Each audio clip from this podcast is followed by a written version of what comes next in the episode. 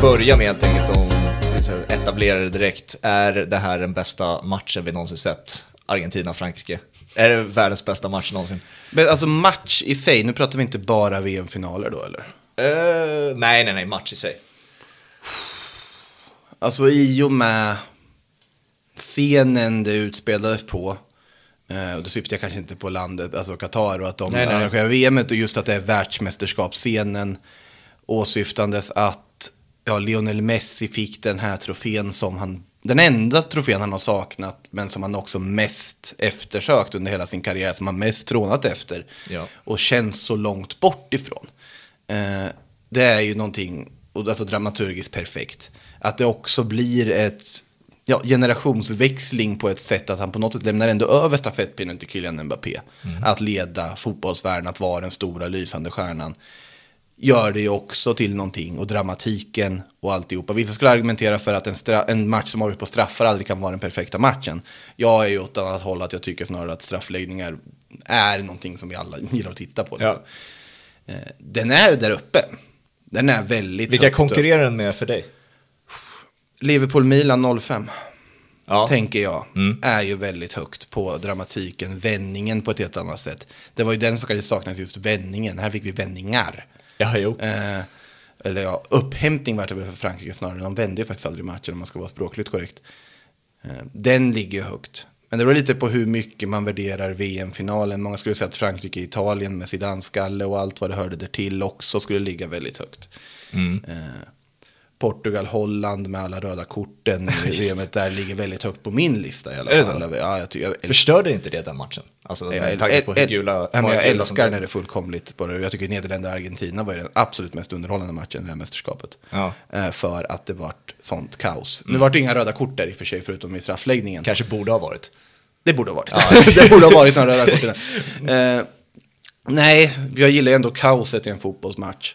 Ja. Eh, men ja, det den är ju där uppe någonstans, så är det vi, det finns ju så mycket eh, saker att bara fokusera på den här matchen och sen får vi se vart vi leder någonstans. Men det, vi var inne på det där med shithousery som så många uppskattar.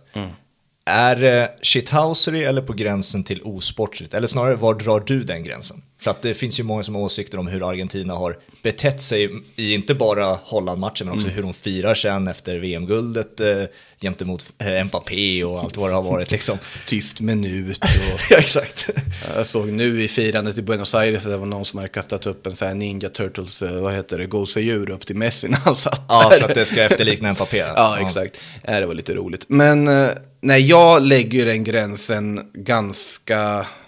Alltså jag har väldigt mycket tålamod med den, man kan säga. Jag till, tolererar väldigt mycket shitouts, för jag tycker det är en del i det. Jag tycker det är otroligt underhållande, det är en del varför jag tycker om den sydamerikanska fotbollen så mycket som jag gör. Att, att det är totalt galna vinnarskallar som gör vad som helst för att vinna. Det är drama, det är på något sätt... Jag brukar inte kolla på så mycket dokusåpor man jämför med vad kanske många andra gör. Men jag tror på något sätt att hela min liksom dokusåpekvot fylls av Ja. att se på vissa fotbollsmatcher. För jag gillar ju det här när det, när det är riktigt dålig stämning på en fotbollsplan. och det, och som, som det var i Nederländerna och Argentina till Ja. exempel. Där Wout Weghorst inhopp är ett av de, de finaste sakerna vi har haft i det här Mhm. mästerskapet. Paredes spark ut på bänken. Vissa säger att han kliver över en gräns som inte är okej där. Såklart han ska ha rött kort för det där. Mm. Ja. Men för mig så kliver han inte, och inte över en gräns. Det hamnar väl, gränsen för mig hamnar väl någonstans när du på riktigt riskerar någons hälsa på ett väldigt allvarligt sätt. Typ Pepe som ska borra in dobbarna i Casqueros rygg i Madrid-Getafe. för Men det är ju inte osportsligt. Osportsligt kan väl vara någonting som inte påverkar någon fysiskt. Ja, men alltså just sånt som bara är mind games och sånt som är eh, häcklande och ja, givetvis med viss, viss nivå av vad som sägs. Ska inte bara säga vad som helst på Nej, en fotbollsplan tycker inte jag. Det ska inte vara okej heller. Eh, Men så länge det är på den nivån och att det är någon sorts psychological warfare i det hela, då tycker jag att det, det tillför någonting. Eh, Men eh, som sagt, typ när Ja, men som när Diego Costa kastar snor på Pepe, om vi ska ta en annan exempel. Det, Yes. det, det tillför någonting. Alltså med Suarez bitattack mot uh, ja, diverse spelare, höll jag på att säga. Eh, det är väl att gå över gränsen. Ja. Eh, man kan diskutera om uh, Cuti Romeros uh, hårdragning på Kukureya som vi såg i Premier League här under Mm. hösten. Är den över gränsen? jag kan på något sätt ändå känna att den är inom ramen. Det har jag fått mycket liksom, mm. mothugg på när jag vet att jag sa det i Premier League-podden någon gång. Så, mm. Att jag ändå kan se skärmen i det, men det finns ingen skärm, fick jag tillbaka. liksom. Men det vet inte hur ont att dra, absolut. Eh, han skulle haft ett rött kort för det. Mm. Och det är en sak, jag tycker att det ska stävjas på planen, men jag tycker på något sätt det hör till. Om ni förstår hur jag menar. Ja, det där är fattar, svårt. Jag fattar, men det, det, blir också så här, jag tror också att det påverkade lite för att det var så många som blev alltså, sympatisörer för Argentina i det här mästerskapet. Man ville ju att Messi skulle vinna och allt det där. Om det här hade varit ett annat landslag med en annan ledarfigur där, kanske säga att det var Portugal med Ronaldo som gör det alltså hur mycket shithousery, eller vad man nu ska kalla det, som Argentina gör, hade det varit lika uppskattat då? Om Ronaldo ska... Är det så uppskattat då? Alltså de som uppskattar shithousery jag... uppskattar ju shithousery oavsett tänker jag. Ja, jag, men jag tänker att det, alltså, eller det är inte bara Ronaldo, säg att um, Pogba som alltid är hatad på sociala medier eller var, vilken ja. plattform det är. Säg att han kallar Vethorst för vad han mest ja. nu kallade honom i en intervju. Hade det varit samma typ av, fan vad skön han är, liksom, att han trycker dit honom i mixed zone? Nej, liksom. såklart inte, för vissa spelare behandlas på olika vis. Ja. Eh, det är som att jämföra med om Neymar får en tackling och ramlar och jämföra med Harry Kane får en tackling och ramlar. Exakt. Vem kommer få mest eh, frågasättningar om hur, hur mycket han kunde ha stått på benen? Mm. Uh, och det finns ju vissa med vissa förskrivna historier och narrativ för vissa spelare som är väldigt tydligt tycker jag. Och mm. det, det, måste man ju försöka jobba ifrån. Mm. Det finns många stereotyper av spelare som man måste jobba bort tycker jag för att de inte stämmer och de är förlegade. Eh, men i det här fallet, om vi återgår till själva grundfrågan, så de som stör sig på Argentina störde sig på Argentina. Det var många som störde sig på Argentina. Mm. Hur de firade mot Nederländerna, tänker jag, när man istället för att springa och fira, springer och firar i ansiktet på motståndarspelarna mm. istället. Mm. Vi har sett det andra lag göra sånt förr också. Ja. Eh, men det här fick väldigt stor uppmärksamhet. Mm. Eh, Emi Martinez, man kan tycka att han är fullkomligt vidrig fotbollsspelare, hur han betedde sig i den här straffläggningen. Mm. Men vissa älskar honom. Ja. Och det är på något sätt att balansera på den gränsen hela tiden. Mm. Om du har ditt eget lag så älskar de givetvis. Mm. Ett eh, annat bra exempel som vi ska ta OS förra året. Stefanie Labé vart ju inte jättepopulär bland de svenska spelarna i den straffläggningen Nej. i finalen mot Kanada. eh, men det är samma vinnarskalle-attityd där också på något sätt. Mm. Att du lägger inga fingrar emellan. Och en straffläggning specifikt så är det bara psykologi. Ja. Det är bara, de sätter ju de där straffarna 99 gånger av 100 på, på träningsanläggningen. Mm. Men med alla strålkastare på dig och den pressen, enorma pressen du har på dina axlar, då är det psykologi som mm. avgörande. Ja, alltså, jag kan ändå gilla alltså, karaktärsblandningen vi har i det här Argentina. Det var länge sedan man kände så här, ett VM, VM-finalister och sen mästare som hade så här mycket karaktärer. Alltså bara en De Paul är helt underbar att titta på och se hur han krigar rakt, rakt igenom ett helt mästerskap. Vi, Martinez var inne på, du skrev väl en artikel bara nu strax efter vi har spelat in det här, en artikel om Emmy Martinez och hans bakgrund och sättet han firar på och sånt där. Jag läste en jätteintressant intervju i, eh, ska vi se, vad jag tror det var The Telegraph som hade intervjuat då Aston Villas före detta målvaktstränare som jag, som jag inte har namnet på i huvudet just Nej. nu. Eh, men som pratade om att de faktiskt har jobbat väldigt aktivt med Emmy Martinez kroppsspråk. Att det var tydligt att han är lite för introvert. Han visar inte vem man är på planen och måste ha mer pondus mm. och liksom ge utlopp för sina känslor, visa vem man är och på så sätt bygga självförtroende och karaktär. Den här människan skapade ju ett monster. Han vet ju, men han vet ju inte vad han skapade för någonting. Och han sa väl också det att jag, alltså man jobbat på att han nästan ska anses vara arrogant. Mm. För att det är han har så mycket vilja som ligger där inuti. Att han vill det här så otroligt mycket, så otroligt mycket känslor, passion som han tjänar på att visa istället för att hålla inombords. Och det har de jobbat aktivt med. Mm. Och det är ju väldigt spännande att höra att de verkligen har tränat honom till att bli den här ja, vattendelande målvaktskaraktären som är ja, enligt mitt tycke den du absolut mest skulle vilja ha i en straffläggning om ja. du ska ha en målvakt. Inte bara någon som kan rädda straffar och är skicklig på det, men också kan krypa under skinnet på precis alla och göra sig ovän med precis alla. Ja. Och det här är inte första gången vi sett det med Martinez göra det här. Det gjorde det i Copa America mot Colombia där också. En... Mot Jeremina var det Jeremina där Messi stod och skrek baila ahora till eh, ja. Jeremina efter att han är missat. Dansa nu då. Ja. Eh, på något sätt där som jag anser att Messi verkligen visade att han har blivit en del av det här Argentina. För där tror jag är en nyckel att de vann det här mästerskapet. Messi har hittat en annan del i sin personlighet som liksom verkligen speglar hela det argentinska laget på ett sätt ju. Ja, han, han har blivit ett med det här rövargänget. Ja. Och han är i en grupp som han älskar. Han Ja. skulle gå över glödande kol för den här gruppen Mm. och han uppskattar förbundskaptenen som också är en passionerad person som visar känslor. Det var mycket tårar på honom under hela mästerskapet Mm. också. Den här gruppen av spelare som alla kämpar mot samma mål och lite skyr inga medel. Och Messi tar ju fram en helt annan sida av sig själv när han spelar för det här landslaget. Ja. Och det har man ju saknat tidigare. För tidigare har Messi känts på något sätt felplacerad i de här lagen som kanske varit bättre på pappret, men har varit dysfunktionella grupper som Mm. inte har funkat med Lionel Messi, där han på något sätt krockat med alltihopa. Ja. Han har ju haft en ganska mycket motgång på att försöka identifiera sig med argentinska folket. För att, att titta på Maradona, jämförelsen är uppenbar. Mm.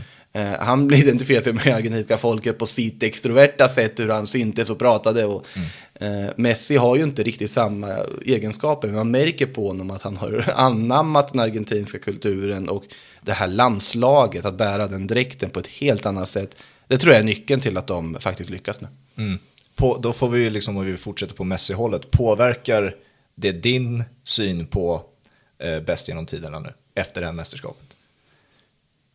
Ja, Jag tyckte det var oerhört gulligt att det var så många som ville eh, liksom verkligen visa att nu är Messi bäst bara så att ni vet det. Och om ni inte har koll på det, då, då alltså, för mig handlar fortfarande den här debatten som jag upplever ibland som sjukt onödig. Eh, su- hur man upplever fotboll subjektivt. Liksom. Och eh, det blir, det blir nästan så här aggressivt. Om du inte fattar nu att Messi är bäst, då får du inte titta på fotboll mer eller något sånt där. Messi vs Ronaldo-debatten kommer alltid fortsätta och kommer alltid Ja. pågå. Men jag tror att Messi vann många fler supportrar. Mm. Och jag, jag hade, när jag hade Max här inför så pratade vi också om det där, hur kan det här, alltså hur, vad kan utfallet bli av den debatten? Eh, och då sa vi, kom vi här, båda överens om att så här, oavsett hur, hur det här slutar så bör eh, VM-titeln inte avgöra det, eftersom att de har åstadkommit så mycket i sin karriär. Men på det sättet han lyckas vinna det här VMet så förändrar det debatten för mig. Eh, alltså så, på det sättet han har, som han gjorde det nästan helt felfritt måste påverka den debatten för mig. Och jag tycker det är, det, det är svårt att hitta en mer dominant spelare i ett VM eh, på det sättet Messi har varit. Eh, så att eh, för mig så kanske han blir nu bäst genom tiderna. Och jag har alltid sagt att Ronaldo har haft en mer imponerande karriär än för, för de som inte har uppfattat det än. Eh, jag tyckte att Ronaldo har varit snäppet bättre eh, sett i karriärmässigt vad de har åstadkommit tillsammans. M- eh, och mycket också för att jag tycker att Ronaldos karriär landslagsmässigt har varit mer imponerande än Messis. Men det vänder ju helt och hållet nu efter den, efter den här sommaren. Nej, sommar. Rim, November, rimlig, december. felsägning. rimlig felsägning ändå.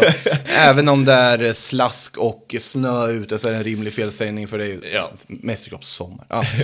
Eh, jag har eh, så att säga röstat på båda kandidaterna genom åren, eller varit på olika, olika sidor av den här debatten. Det ska jag också medge att jag har, men just nu så utifrån hur de här karriärerna har utvecklats, den nivån som man tänkte att Lionel Messi började hitta, alltså dala.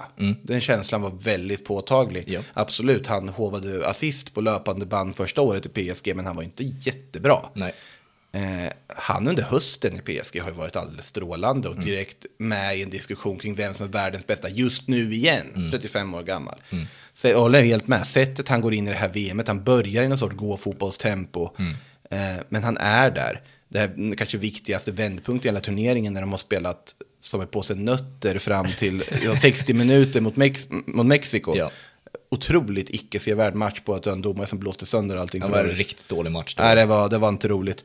Men då är det Messi som, han går ju mest, men plötsligt så bara får han bollen, pang säger det, och så har han vänt hela det här VMet för Argentina. Ja. Eh, och absolut, han gör massa mål från straffpunkten, men han gör dem också. Eh, missar också.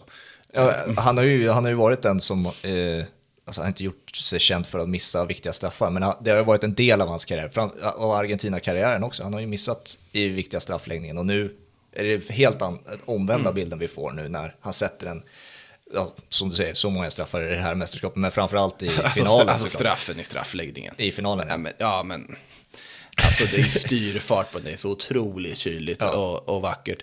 Eh, nej, men jag, eh, det är alltid svårt att jämföra med så här, vi såg aldrig Pelé i Europa. Och vi så, för framförallt så såg vi inte Pelé överhuvudtaget, för vi är för unga för det. Ja. Både du och jag och ganska många andra som säkert lyssnar på det här. Diego Maradona är jag för ung för att kunna ge en vettig bedömning om, men de som har sett honom och växt upp med honom har ju en bild av att du peta inte honom liksom. Eh, Johan Cruyff, Alfredo Di Stefano, eh, Zinedine Zidane, Ronaldinho, det är så många du kan, ja, Mm. gamle Ronaldo, eh, anser ju många i sin prime var något makalöst. Men Cristiano Ronaldo och Lionel Messi, den debatten är ju, de har ju statistiken på sin sida. Ja. Det som har varit frågan, vad är det de saknar för titlar? Messi har ju klarat fotboll nu. Ja, Han- han är var färdig. Han kan sluta nu och liksom, det känns svårt att någon någonsin kommer komma förbi. Eh, Ja, men han är, han är så är färdig. Ja. För det finns ingenting annat han kan vinna. Nej, jag tycker inte att han behöver vara Premier League-proven för att han ska, han ska anses vara. Det, det är bara löjligt.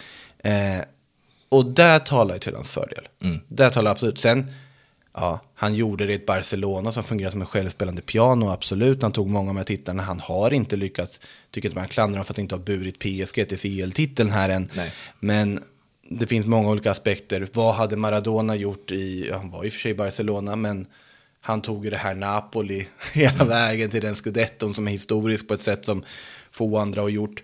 Jag håller ju fortfarande, alltså Ronaldinho när han var som absolut bäst. Det var en väldigt kort brintid på Ronaldinho, men när han Ja. var som bäst, det, alltså det är ju helt, han hade en helt annan nivå känner jag Ja, men alltså, någon någonsin man, det, det, man får dela upp det i, för mig är det Messi och Ronaldo de två som har sprintat förbi de andra på Ja, grund och det- och det är ganska- långvarigheten i deras karriär. Men sen har vi, om vi snackar pikar, där kommer vi till en absolut omöjlighet. Så piken på Messi, Cristiano Ronaldo, Ronaldinho, Zidane, Ronaldo-fenomen, alltså, alltså, man tar ju vem som helst av de där i, på deras bästa dag. Liksom. Det, det är omöjligt när vi snackar peak. För, för mig. Garincha. alltså, men om vi ska gå långt tillbaka, det finns ju många sådana Mm. spelare som vi ska ha med i åtanke. Jag nämnde Di Stefano här förut också, Mm. som aldrig gjorde något större avtryck i landslagssammanhang, men det han gjorde när han vann fem raka Champions League med, Mm. med Real Madrid. Och anses av många vara kanske den, en av de absolut bästa genom tiderna. Mm. Det är en annan debatt också, men Messi har ju på pappret, han har ju liksom bevisen på pappret, argumenten på pappret. Titta på målen, Mm. titta på poängen, titta på troféerna. Ja, han har vunnit allihop nu. Det som saknades var VM-bucklan. Mm. Och i det här mästerskapet som var Messi och Ronaldos sista dans så vart det väldigt tydligt. Cristiano Ronaldo, som jag i och för sig tycker fick oförtjänt mycket skit för sina insatser i gruppspelet. Jag Ja. tycker faktiskt att han hade ganska goda tendenser överlag där. Sett till vad han gjorde i United i alla fall innan. Eh, blir liksom petad och åker ut mot Marocko i en kvartsfinal. Lionel Messi bär det här Argentina, det här, det här liksom rövargänget i blått och vitt hela vägen till, till guldet. Ja. Och jag håll, är absolut beredd att hålla med om att han är störst genom tiderna, Mm. i mitt tycke. Vi, vi kommer tillbaka säkert till eh, av det du sa om Ronaldo och sånt där också. Men om vi kommer tillbaka till VM-finalmatchen också. Eh, hur mycket tror du på att det där viruset påverkade Frankrike? För att i 70 minuter var det ju en extremt, alltså det jag hade typ förväntat mig i en final att det var antingen ensidigt eller tråkigt på ett sätt. För att många finaler lever sällan upp till eh, förväntan och hypen. Eh, Jag tycker nog att man, det går ju inte jättesvårt att veta. Sen tror jag att det snarare så vill jag se det som att eh, Lionel Scaloni visade sin fingertoppskänsla. För han prickade rätt på varenda taktiskt drag under hela slutspelet. Om man missade mycket och gruppspelet kändes väldigt ja, icke-förtroendeingivande så prickade han ju rätt på allt. Eh, man tänker, ja, fembackslinjen som han använde var väl kanske inte helt optimal i slutändan, men det funkade där tidigare i, i, i slutspelsträdet när han mötte Kroatien. Han går in med den här diamanten på mittfältet och lyckas stänga ner Luka Modric och hela det liksom, kroatiska maskineriet fullkomligt när de kör över Kroatien där. Vilket inget annat lag lyckades göra i det här mästerskapet. Eh, och sen då när man tänker att det här är vinnarformen han ska använda mot Frankrike. Ja, men då kommer Angel Di Maria utvilad in från bänken. Fin missade ju finalen för, ja vad blir det nu? Det- 2014. Ja, precis. Åtta år sedan eh, på grund av skada. Nu då bara rakt in och är alldeles fenomenal. Men ska vi prata om Di Maria? Finns det en spelare som är så otroligt bra i finaler, n- bättre i finaler i modern tid? Alltså jag kan rada upp så många finaler när han sticker ut och är planens bästa spelare. Ja, Och bara för Argentina så har han gjort mål nu i tre raka finaler liksom. Han gjorde ju han gjorde OS-finaler och sånt Det också. Det var väl det första som gjort mål i en OS-final, en där inte inhemsk, eller vet du det, eh, kontinentalturnering då, Mm. liksom Copa America. Och i VM, i en finalläge. Han har gjort, ja det han gjorde i Champions League för Real Madrid 14. Ja, det är ju en Eh, Alltså förarbetet till Gareth Bales mål där är ju också helt... sinnessjuk final. han Ja. gör rakt igenom den. Ja, men han var, ju, han var ju typ världens bästa spelare under den perioden. Alltså när han gick in i den här innermittfältsrollen så han Mm. Ja. bara fick fria tyglar och bara körde. Han var ju helt otrolig. Eh, nej, jag tycker en konstant underskattad fotbollsspelare. Copa del Rey-finalen 2014 också var han ju helt fantastisk när, de slog ut, när de vann mot Barcelona. Mm. Han hade ju sin peak där någonstans, Ja. när han hade den där rollen som han fick under Ancelotti. Han var ju helt otrolig då. Ja. Men eh, han, eh, nej, han är konstant underskattad på något sätt. Ja. Eh, tycker jag. Han har sån otrolig högsta sån otrolig teknik. Eh, och det var väldigt kul att se att han fick göra det här i VM-finalen. Han fick förtroendet att komma in och jag tror kanske till och med att det har funnits en tanke på vägen. Att spara honom till en final på något sätt. Det är nästan som man får den tanken. Han är utvilad och haft lite skadeproblem och sånt också under hela, hela säsongen i, i Juventus.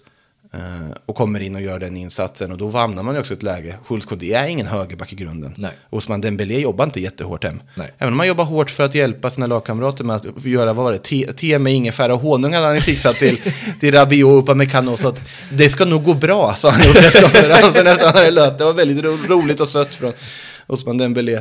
Eh, men eh, han hade ju en katastrofal match. Eh, tycker det var lite hårt kanske att skicka Dembélé Giroud efter 40 minuter från Champs. Det kan jag väl känna. Men... ja, det var väl mer så här, han kunde byta ut vem som helst i det läget, men han kunde inte byta, byta ut Dembélé var ju i och för sig inte bra. Nej, han, och det han var- blir ju syndabock också på grund av straffen och sånt där. Men det är trist också när vi pratar om så, här, så många som gör sitt sista, sista VM. Alltså det där är Girouds sista minuter i ett VM. Alltså, det är en ganska deppig, deppigt sätt att avsluta sin VM-karriär. Han fick åka med göra massa mål, bli Frankrikes mesta målskytt genom tiderna. Han har ett VM-guld för fyra år sedan. ett trist avslut säger Ja, jag. avslutet absolut, men på något sätt så, ja, jo, han var väl inte jätteglad att bli utbytt Nej, heller. exakt. Eh, också så här, surrealistisk grej att så här, Frankrike som vi hyllar för att de kan ställa upp med fem landslag ska vinna VM-guld. Går in i den här finalen då i andra halvlek med Kolomoani och eh, Marcus Thuram i anfallet med Kylian Mbappé. Hur hamnar vi här? det, det, det, det var man kände. Karim Benzema sitter hemma och tjurar och förbereder sitt farvälmeddelande. Ja. Är det... Jag hade, det är ju också en, säg en halvskadad Benzema. Om han hade blivit, varit där som han så gärna verkade som att han ville, men sen när han blev bjuden inte ville. Det var väl att det har skrivit sig igen med Deschamps där. Eh, hade han kunnat påverka en final? Omöjligt att veta, men det hade han väl säkert kunnat göra. Alltså det är ju är trots allt en spelare som vann Ballon d'Or. Eh, det som skulle ska varit att det skar sig också var väl att han egentligen ville vara kvar och Rehabba Ja, men av. att han blev hemskickad. Ja. Men sen är det ju så att beslutet att ta tillbaka Karim Benzema är inte stöttat av alla i truppen. Nej, eh, nej. Och det, det kom ju uppgifter från relativt trovärdiga. Det var ju Romain Molina som har koll på franska fotbollen som rapporterade om att Mm. det var väl Antoine Griezmann och Hugo Lloris framförallt som inte ville ha med Benzema att göra i truppen. Jag såg någon video som florerade på när när de skulle välkomna tillbaka Benzema till en samling och alla står och applåderar och är glada. Giroud hade tydligen velat ha med Benzema och spela med honom. Uh, Mbappé vill ju absolut, tycker ju om Benzema Ja. också, de kommer väl överens. Men i den där videon i alla fall, såklart man letar efter tecken, men eh, Lloris och Griezmann såg inte ut att vara liksom överlyckliga över att Karim Benzema kommit in i gruppen. Eh, och det är ju svårt. Benzema, du är lika exemplarisk som han varit för Real Madrid på alla sätt och vis på utanför planen så har han ju varit lika icke-exemplarisk utanför planen för i franska landslagssammanhang. Eh, så det är väldigt underligt och det är inte förvånande att han nu har eh, annonserat att han slutar då på, på eget bevåg istället för att återigen bli avstängd från ett landslag. Eller liksom bara petad. Eh, vad finns det fler för individer? Du, du som, Varför inte fler för fotbollsspelare? det är den här finalen, alltså, ehm, Real Madrid-fans som det, kan vi ändå prata någon sekund om Kamavinga också? Alltså, jag, Alltså sättet han när- kan påverka en match på. Jo, men när är- han byts in också så tänker man nu, nu kör vi. Ja. och så går han in som vänsterback igen. Men, men. alltså, och, och, så det som är så frustrerande att han är ju helt fantastisk som vänsterback också. Det är det som är det under. Han, han, är, han är så bra vad han än spelar. Han är så bra så att jag fattar inte vad en Adrien Rabiot gör i ett landslag. Rabiot gjorde ett jättefint VM tycker jag jag, faktiskt. jag överlag. tycker fortfarande att han är alltid på gränsen till överskattad i varje match han spelar. Jag tycker han gör en helt okej eh, insats i nästan varje match. Han, i, men Ja, alltså, och- och- Kamavinga är så mycket bättre. Kamavinga har en höjd som ingen annan har på det där mittfältet. Ja. Och jag hade gärna velat se honom gå in på ett innermittfält och bara få chansen. Han bredvid Chouameni, alltså det, hade, det, det mittfältsparet hade varit otroligt rakt igenom. Ja, de har spelat tillsammans förr. De, Ja, de, de, de de kan kan, varandra. ja. Så att, nej, jag tyckte det var jättekonstigt att man också tar ut Theo Hernandez i det här läget. Nu, nu fick de ju 2-2 och tog sig till förlängningen. Mm. Så att det är svårt att argumentera mot Deschamps med tanke på att han tagit dem till två raka finaler och gjort det här. Så det är väldigt det liksom faller väldigt platt på att ifrågasätta hans beslut när de Mm. har tagit sig till två raka VM-finaler. Han har fått 180 skador och ändå tar det här laget till en VM-final Ja. igen. Ja. Eh, och, och till synes på någon form av halvfart hela vägen också. För att de var bäst bara, ja men de vinner sina matcher komfortabelt och så är de Nej, men vidare. det var väl ingen match där de var så här, nådde sin potential. I någon match vad jag kan minnas när de nådde sin England då hade de ju problem mot tyckte Mm. jag, men de vinner ändå den matchen. Även om England faktiskt förtjänade mer tycker jag i, i den tillställningen. Men annars så är de inte stressade en enda gång. De förlorade mot Tunisien, men då spelar det ingen roll för de har redan vunnit gruppen. Och roterade hela laget. Ja, det gjorde de ju också. Eh, Så ja, det, jag hade ju Frankrike också som favoriter inför final. För, jag, för som lag och som spelare så tänker man alltså ah, det här ska inte gå att förlora. Även fast Argentina var ju det laget med momentum.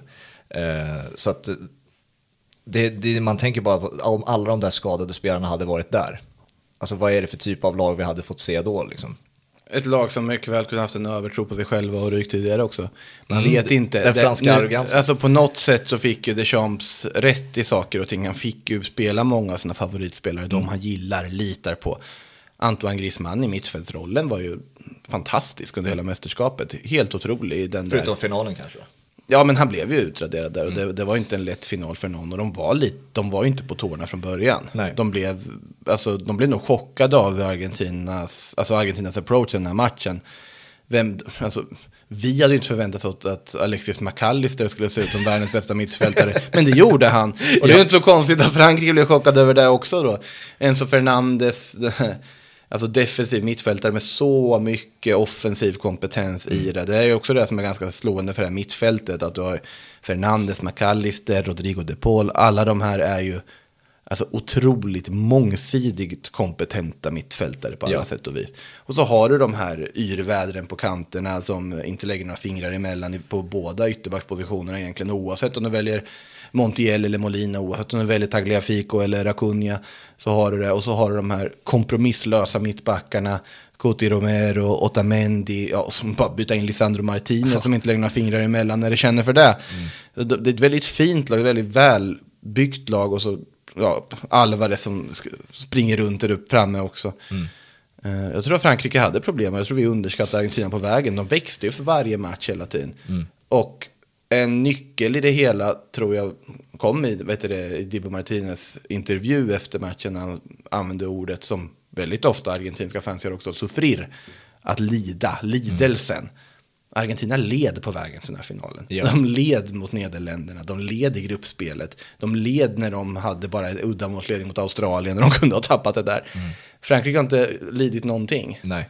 Och där tror jag bygger karaktär, det bygger lag, det bygger ett, ett grupp som kan hantera motgångar, hantera press på ett annat sätt än vad den franska gruppen kunde göra. Men det, mycket blir som sagt hypotetiskt också. Ja, bara en sån grej som att planen såg ju enormt dålig ut. Alltså gräsmattan såg ju inte ut att vara i Ja, det- toppskick alls. Och den motgången när man ser att, Frank- att bollen börjar studsa, jag såg ju typ så här, tre, fyra passningar i rad från Frankrike som gick Mm. i luften och var felplacerade och allt det där.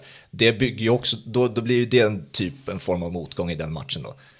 Ja, men det, det är också fascinerande att planerna var så dåliga i, i slutet. Av. Men det är för att de spelat så mycket matcher på, den, på, Samma matta på ja. kort tid på samma matta. Och jag vet inte, man kan skylla på vintern. Jag tänker så här, gräsmattan på Friends är väl ingen höjdare nu om man skulle gå och titta på den.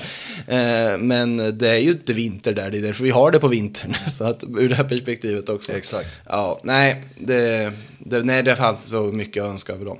Ja. Eh, om man frågar så här vad du föredrar, Mbappés andra mål, volleyn, eller la, vad ska jag säga, lagmålet, det kollektiva målet som Di Maria sen sätter. Vilket föredrar du? Det är för det är så här, då så här klassificerar man sig, är det den individuella briljansen eller det kollektiva som man föredrar när man ser ett mål? Jag tycker Mbappés mål ändå på... Alltså just också vad det betydde att det kommer direkt efter det här straffmålet och det liksom bara väcker hela matchen och väcker alla som tittar på den på ett sätt. Man precis kommit upp i varv på, oh nu lever det igen, undrar vad som ska hända nu med reduceringen. Så hinner man inte ens blinka innan då han gör det här, alltså det där avslutet. Alltså det går inte att göra, det är inte en normal människa som får för sig att dra den volleyn, ha den vigheten, den styrkan i varenda liten muskel för att kunna hålla balansen och dra det avslutet på det här sättet. Det tycker jag är otroligt. Sen absolut lagmålet, Messis yttersida ut på McCallie som kommer in, den perfekta passningen in mot Di Maria och sen mot det finns mycket glädjande i det också. Sen har man ett snyggare lagmål genom åren, det måste jag ändå säga. Eh, men ja, jag, jag måste ändå säga Mbappé-målet på något sätt, för det här var en final som handlade om två extremt stora stjärnor. Eh, det blev eh, ja, sportswashingens drömfinal, måste man ju säga att det blev. Ja. Eh, det var väldigt bra sköljmedel. Ja.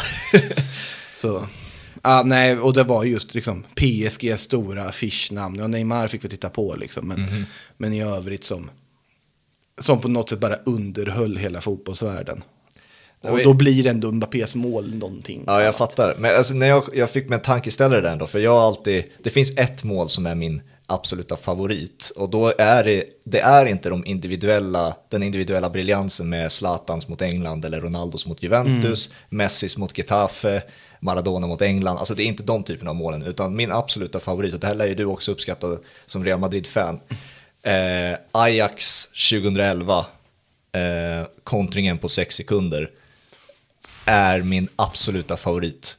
Det finns inget mål som är alltså, mer vältajmat så snabbt så Ja, när, det där kontringsspelet funkade som bäst Ja. så var det ju äh, något helt det, makalöst. det är så här, det, fotboll är en kollektiv sport och Mm. det är det liksom, där liksom, det var så pricken över i av alla kollektiva mål som jag har sett. Alltså det, och det går så snabbt och det är så bra. Det är Ramos, det är Özil, det är Ronaldo, Kaká, Benzema, Ronaldo, mål. Ja, det, det, ja, men den är helt makalöst mål och absolut, det finns, men det är ju det som är så fint med fotboll om man ska vara sån, att det finns så många olika typer av mål vi kan avnjuta och uppskatta. Alltså, så här, Gareth Bale cykelspark tänker jag, Ja. som jag tycker är otroligt underskattad i diskussioner kring drömmål och så vidare. När alla pratar om den här, ja, alltså lodräta, mer, alltså man tittar på så här, geometriformat mer perfekta Ja. Ronaldo cykelsparken mot Juventus. Mhm. Bales är på något sätt lite så här smutsigare, rivigare, inte lika perfekt. Han inte ser li- inte så grann, alltså, alltså, Nej, det är inte graciöst. Det är, det är liksom mer slafsigt. Ja.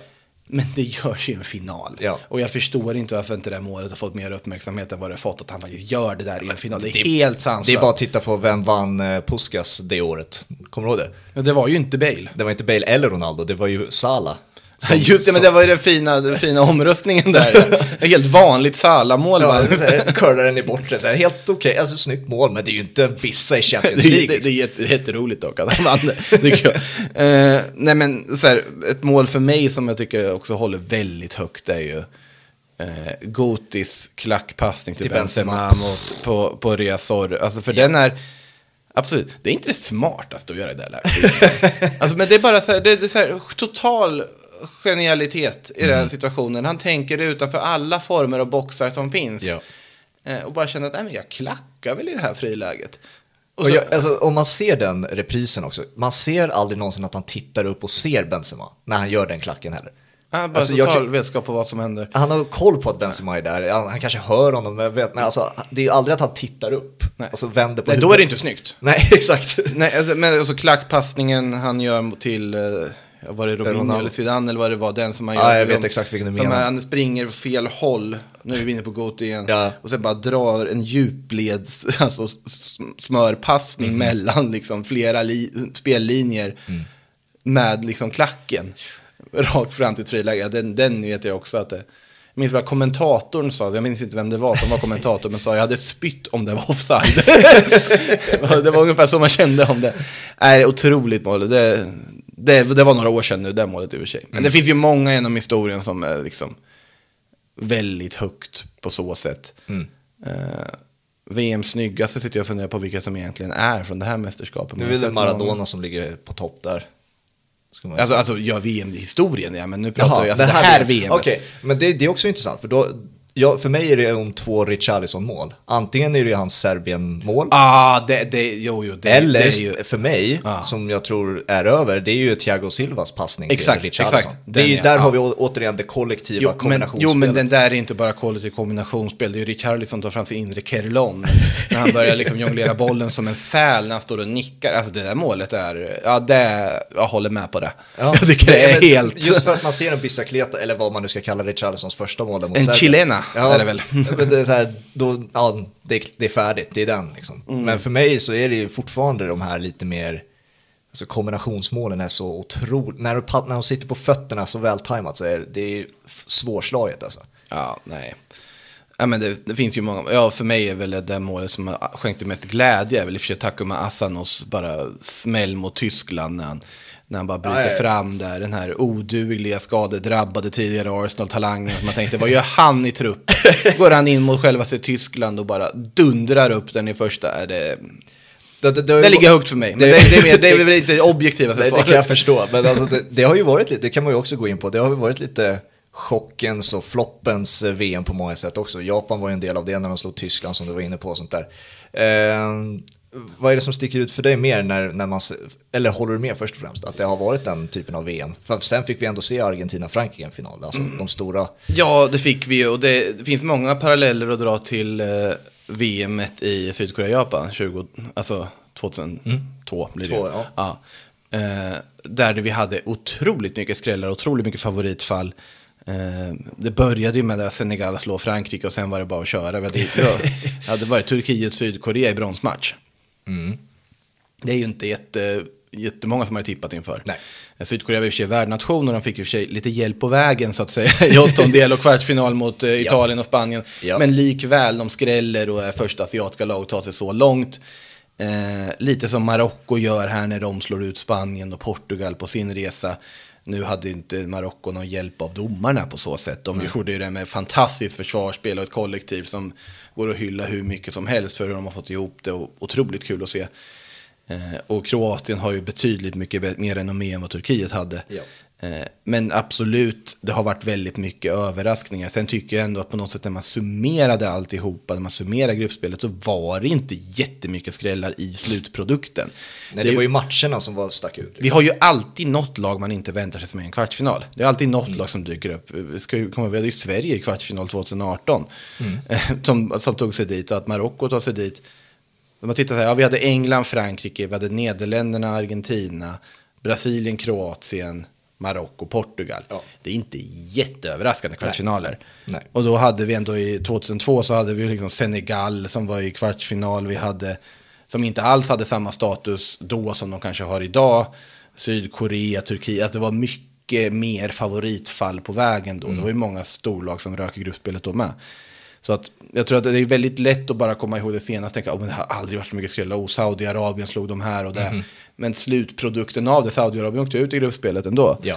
Eh, överraskade på mig, absolut. Men, men det sker alltid ett VM. Ja, jo, exakt. Um, ska vi ta, du sa det, Portugal, Marocko då. Ska vi ta Ronaldo-situationen också då? Ehm, är ju, jag tror inte han är det längre. Han är ju just nu, eller var precis, och tränade i Madrid. eh, och, Han fick använda faciliteterna. Ja, exakt. Ehm, och den sagan kommer ju fortsätta fram tills att han är en ny klubb. Om det blir Saudiarabien han tillhör, eller vad det nu är, eh, så får vi ju se liksom. Men eh, om vi tar VM, eh, jag ku- kunde, jag skulle, jag kan, jag kunde inte förstå och jag hade aldrig förväntat mig heller att Fernando Santos skulle göra så mot Ronaldo. Eftersom att de kändes så enormt tajta inför mästerskapet och har varit det genom mästerskapen som de har varit en del av nu.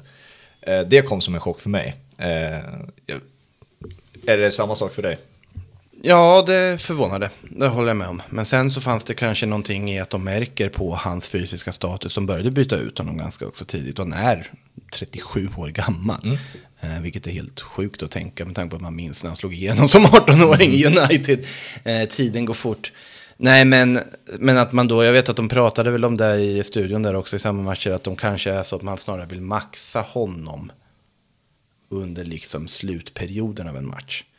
Att du tar in honom för att han ska kunna vara med i förlängning i, och så vidare. Men det var ju liksom inte fokuset och tonen på, på um, i samband med matcherna när han väl var petad. Alltså det var ju, snäll, det var ju sällan att så här, han sa det till exempel aldrig, Fernando Santos heller, att det här, för det, det hade ju kunnat rädda upp Det hade varit ett väldigt smart sätt att säga Ja, det på. vi, vill, Ja. vi vill spara honom till slutet av matchen, då kan han vara effektiv. Liksom. Vi- då, då hade man Tror du vi går in i en straffläggning utan Cristiano Ronaldo? Exakt, ja. Nej. Nej, exakt. Det hade varit ett väldigt snyggt sätt att rädda upp det på Så också. varför gör man inte det? Varför måste man göra fiende med sin absolut största stjärna? Nej, men alltså Fernando Santos ska ju välja utifrån vad han tror är bäst för laget.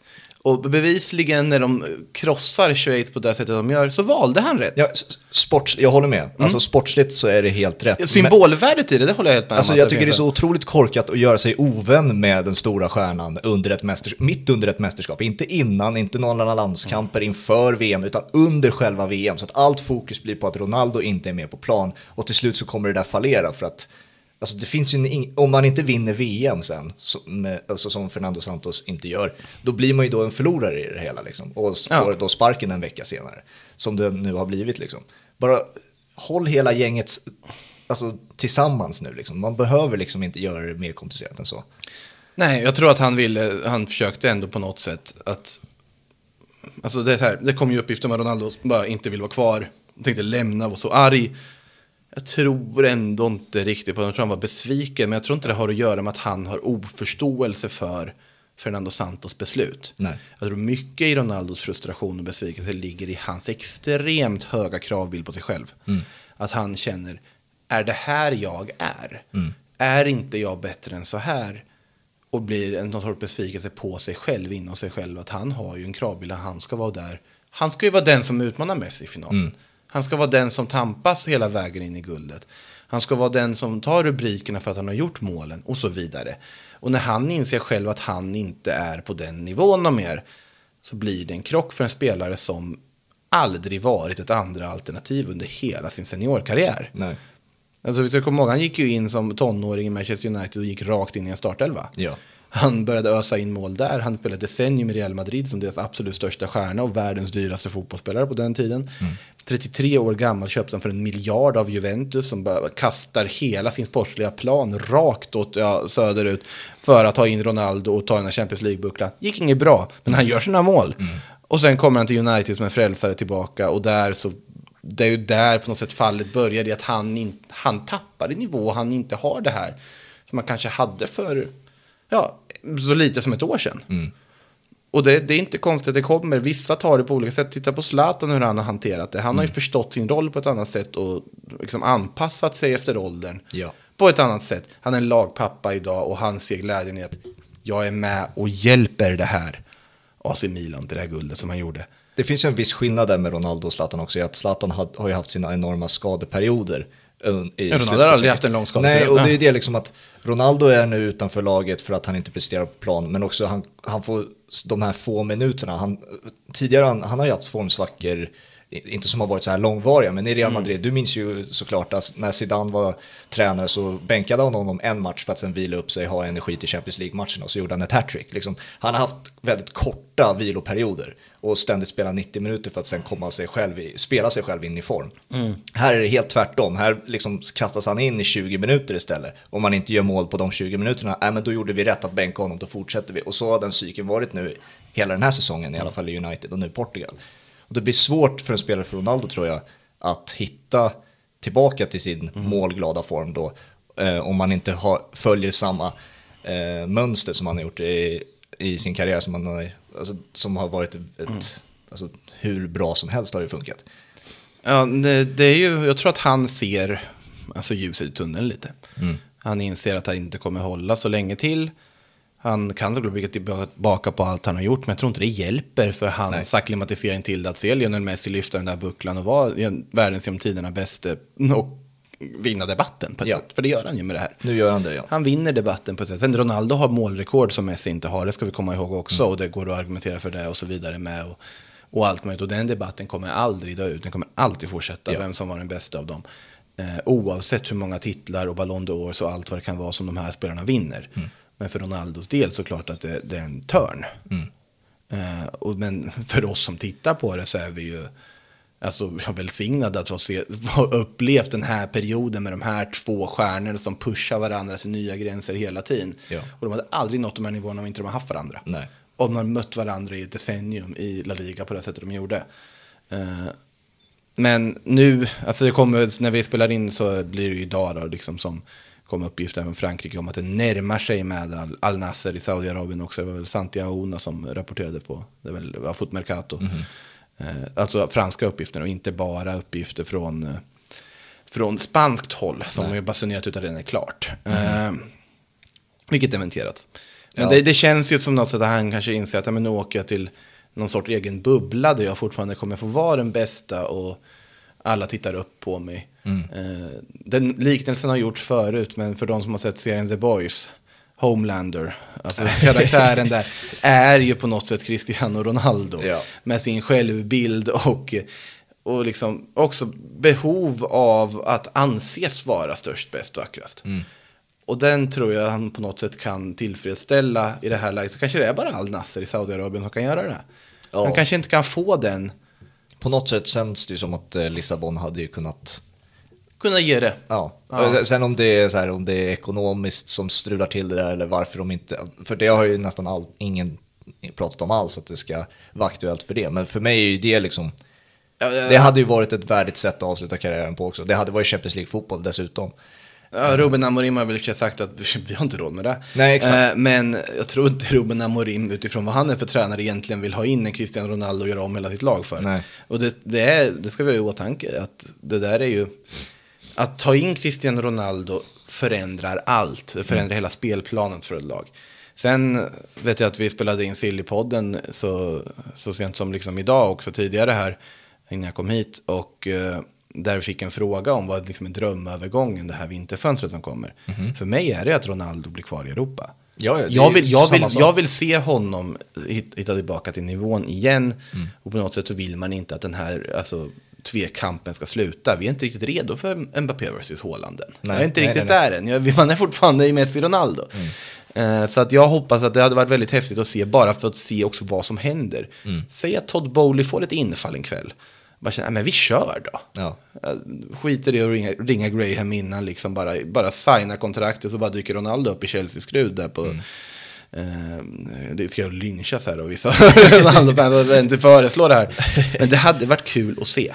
Ja, men det är ju så förhoppningen som du säger att, många, att, det, ska, att, att det ska svänga nu, liksom, att eh, kurvan ska börja peka uppåt igen. Men det, där, Se, se Barcelona få ett infall. Liksom, han han har ju tagit det. Han har ju tagit det. Ja, ja, ja, Jag är 100 helt säker på att procent. han. Ja, ja, alltså han kommer ju inte gå, efter United-fiaskot kommer han ju inte gå efter lojalitet en gång till. När han valde mellan City och United, det får man ju inte göra igen. Nej, och det gjorde han väl för att Sir Alex Ferguson fortfarande lägger sig i Uniteds affärer på Ja. ett sätt som de kanske... Han ska ha sin VIP-plats på läktaren, han ska anses vara en hedersmedlem Ja. i klubben och han är för alltid någon som har gjort jättemycket för Manchester United. Han ska inte ha någonting att säga till om idag i den klubben, för det är inte bra för dem. Tänk vad historien hade sett annorlunda ut om han hade gått till City alltså. Vi hade inte haft en hålande City just nu. Och, eh, och så här, hur, Hur mycket- bra hade Ronaldo varit Exakt, vilken typ av formkurva hade vi sett och vad är det för typ av Ronaldo vi hade sett i det här VMet då också? där? Ja, det är, det är mycket what ifs, men Ja. det är alltid spännande att fundera vad som kunde ha varit på, på så vis. Ja, exakt. Men eh, du, vad, om vi ska gissa oss fram här nu då. Är det, är det Saudiarabien? Jag vad, tror är, vad är det som man säger? Al Nasser blir det ju. Nasser. Eh, för att då är den tydligare kopplingen också, finns ju Newcastle där.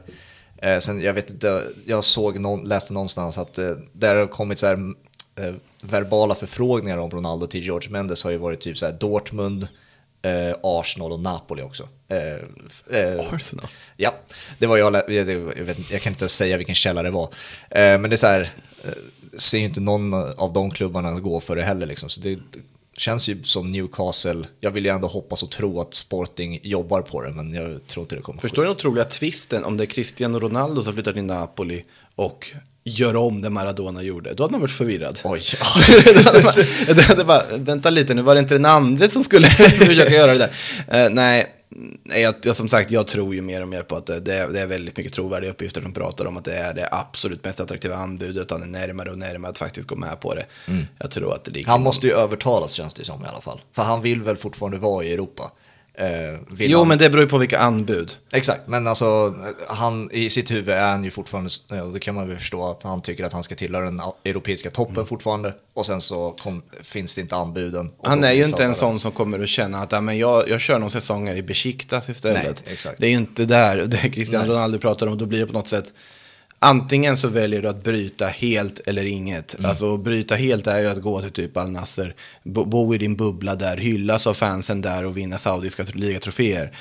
Eh, och tjäna väldigt, väldigt, väldigt mycket pengar. Ja. Eh, det, på något sätt, det blir ju ett brytpunkt för honom, men han kommer få leva kvar i någon sorts, liksom, med stjärnstatusen som jag tror att han ändå behöver. Men det, den enda som vet är ju Cristiano Ronaldo själv i hans huvud. Han är inte den mest lättlästa personen alltid. Nej, tänk om man bara tar sex månader ledigt. Tränar för sig själv och sen väntar in när, när klubbarna börjar bli desperata på sommaren istället för att få... Han, han står och hänger på låset efter Madrids A-lagsträningar för att gå in och sparka boll. Exakt. Men hur länge ska du vara här? Han gör en Michael Jordan och tar lite ledigt från eh, sporten liksom och sen kommer han tillbaka. Ja. Det hade varit något. Det hade varit något. eh, du, vi har ju nämnt Mbappé också, måste vi göra efter en sån final. Eh, kan han nå nivån Messi och Ronaldo? När vi ändå har pratat om dem också. Alltså, men, Han, han är 24 år och är fem mål ifrån att bli den meste målskytten i VMs historia. Så jo, det kan han nog. men vad- är det ditt kriterie? Det måste nej, finnas nej, nej, mycket ja, mer. såklart att eh, vi, det, då skulle man ha Miroslav Klose i samma kategori, men nej, Ja, alltså. Det enda man undrar lite över är, och det här blir spekulativt nu, men också baserat på lite hur man ser med, Hela det här avsnittet har varit spekulativt känns det som. ja, det, det jag gör är spekulativt, höll jag på att säga. Vårt jobb. Ja, men alltså att om man tittar på så här 27-28-åriga spelare idag i Mm. världsfotbollen. Vilka är där uppe i den absoluta toppen och dominerar? Väldigt få. Ingen alls, känns det som. Och då börjar man undra, har brintiden på fotbollsspelare kortats av de här, alla de här åren med väldigt tajt matchschema? Och push, är dagens nya stjärnor, ligger deras prime någonstans runt 22, 23, 24 där vi ser Haaland och Mbappé kasta in mål på skoj? Ja. Det är värt att fundera över. Verkligen.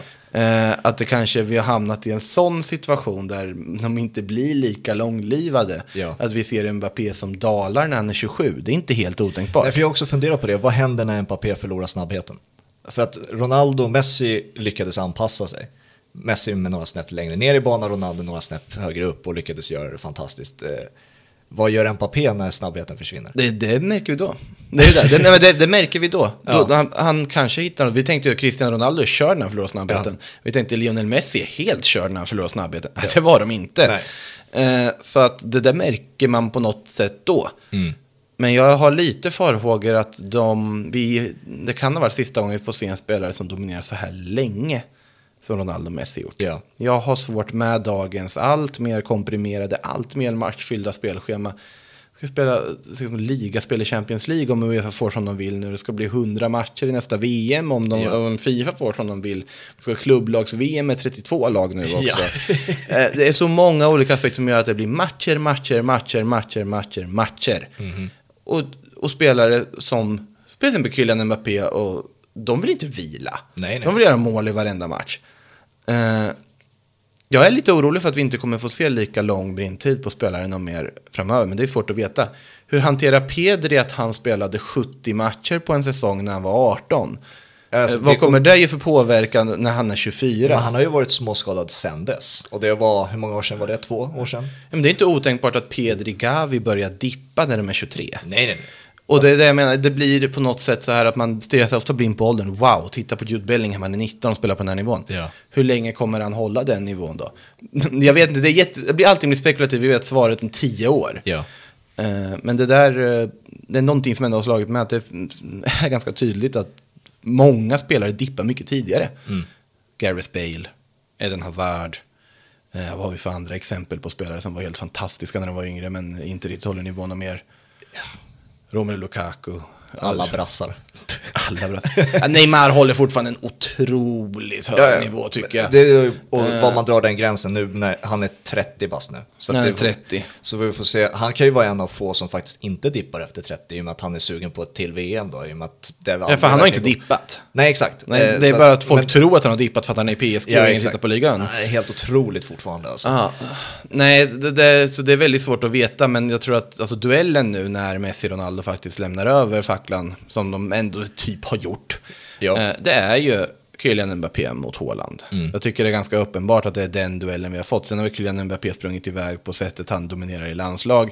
Men jag kan tänka mig att när folk ska debattera det här, alla liksom yngre kids som har växt upp med de här ska debattera vem var bäst i sin prime, Mbappé eller Haaland. Kommer vissa peka på, men titta vad Mbappé gjorde med landslaget och han vann 28 VM-guld eller vad man nu kommer sluta på. Gjorde 100 mål i VM-sammanhang. Ja, Haaland då, han gjorde 100 mål på en Premier League-säsong. Titta på honom.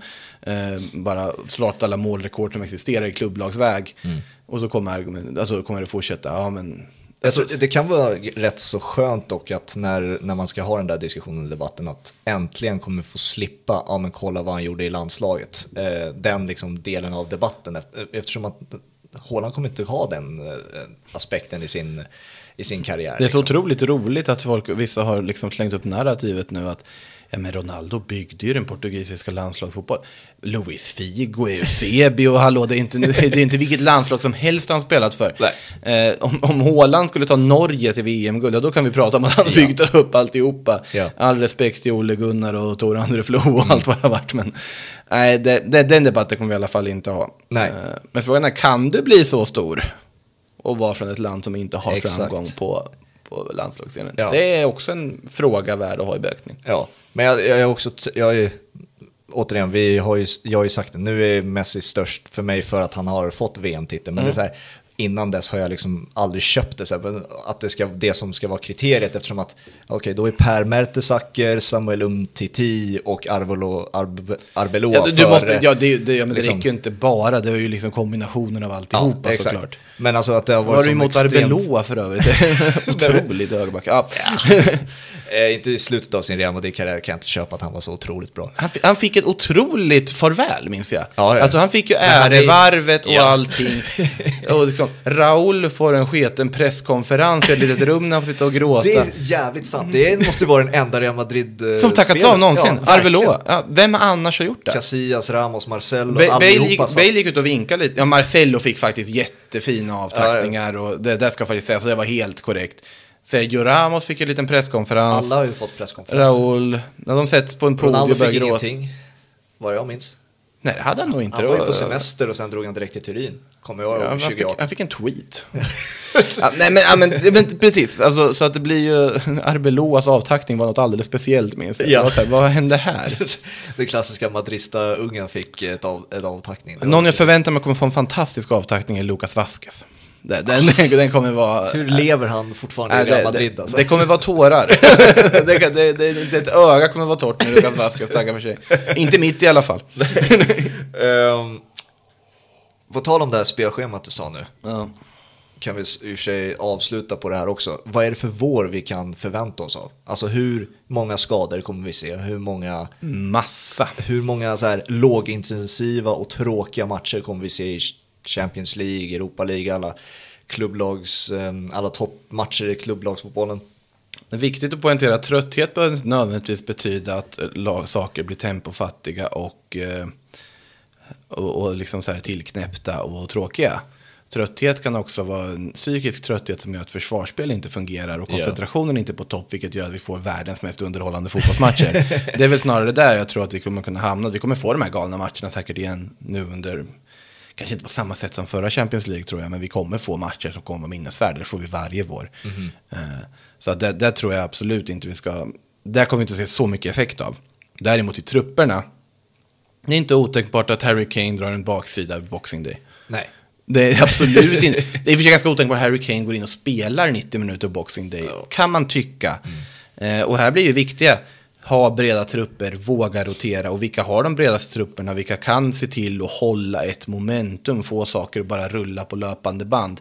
Det blir liksom nyckeln för Arsenal till exempel när de ska försvara sin ligaledning. Är att ja, de måste få det att rulla automatiskt. Det måste ske alltså, sömlöst att Enketia nu, om det blir han då som går in och ersätter. Gabriel Jesus, att saker funkar, att rollspelarna och rotationsspelarna kommer in och det inte blir någon större skillnad att alla vet sina roller.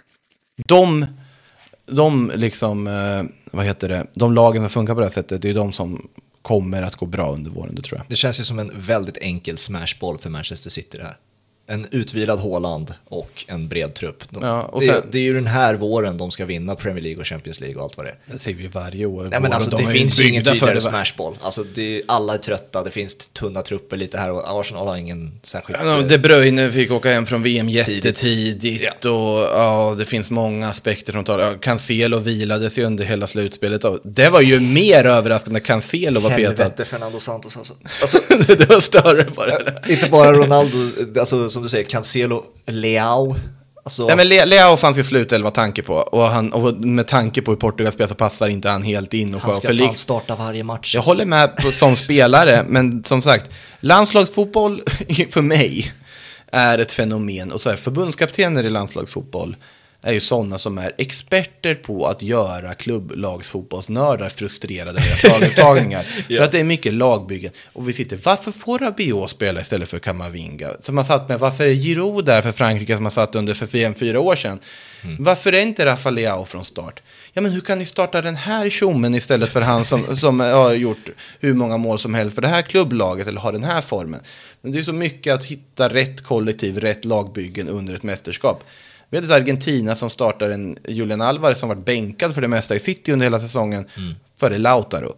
Um, till exempel. Bara, han var ju enormt dålig också. Eh, Lautaro var helt fantastisk i en halvlek mot Saudiarabien, bara att han var lite offside ibland. Och det var ju det som bara satte tonen för resten. Och det var väldigt tråkigt, för det hade kunnat bli ett helt annat VM för Lautaro. Alltså, det måste ju vara en av de sämsta inhoppen i VM-finalshistorien i alla fall, Lautaro.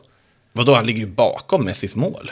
Alltså att han smashar den mitt på... Ja, och sen, men sen, sen tar han ju fram sin inre Higuain efter det. Och, och liksom, det, det, är någonting med anfallen att spela med Messi i landslaget. Ja, verkligen. Eh, men han, ja, han fixar ändå, han ligger bakom det målet. Och men, alltså spelmässigt så tycker han tillför, jag tycker Lautaro också, han var inte så dålig i det här mästerskapet som folk vill få det till. Absolut, han brände lägena ska sätta. Mm.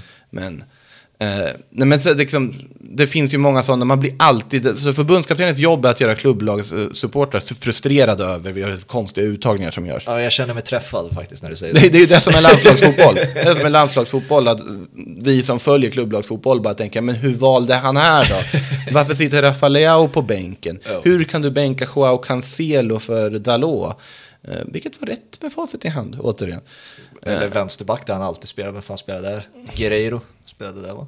Ja, Guerreiro, som i och för sig är en av de bästa ytterbackarna du kan ha på att bryta in i offensivt straffområde. Jag tycker han är helt otrolig på den egenskapen. Han hittar rätt ytor offensivt. Möjligen Cancelo som kan vara ja, här, bättre. Vi hade ett Frankrike som inledde den här turneringen med Lucas Hernandez före Tio Hernandez. Ja, det är du, du, du, du, fattar. Ja, det är sjukt alltså.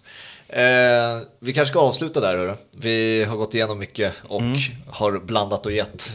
blandat och gett. I alla fall i ämnet. jag vet inte vad det är för ton på den här podden eller vad man ska kalla det för någonting så jag har bara pratat på. Är... det kanske var en jätteseriös Det har varit eh, både gnäll och eh, höjning, i alla fall från mitt håll. Ja, då så. Det var mycket gnäll från mig. Eh, men eh, det var också lite, eh, vad ska man säga, säsongsavslutning på den här hösten. Mm. Eh, så stort tack att du kom och gästade det sista avsnittet. Tack för att jag kom med. 2022. Eh, stort tack till alla som har eh, lyssnat, lämnat kommentarer, vi läser allihopa, det är skitschysst. Skriv gärna vad ni vill se mer utav och sånt där till 2023. Det, vi ska bara ta lite julledigt jag och Gabbe här, det behöver vi. Och sen så kör vi igen till våren. Så återigen, stort tack Makoto, så hörs vi säkert och ses snart igen.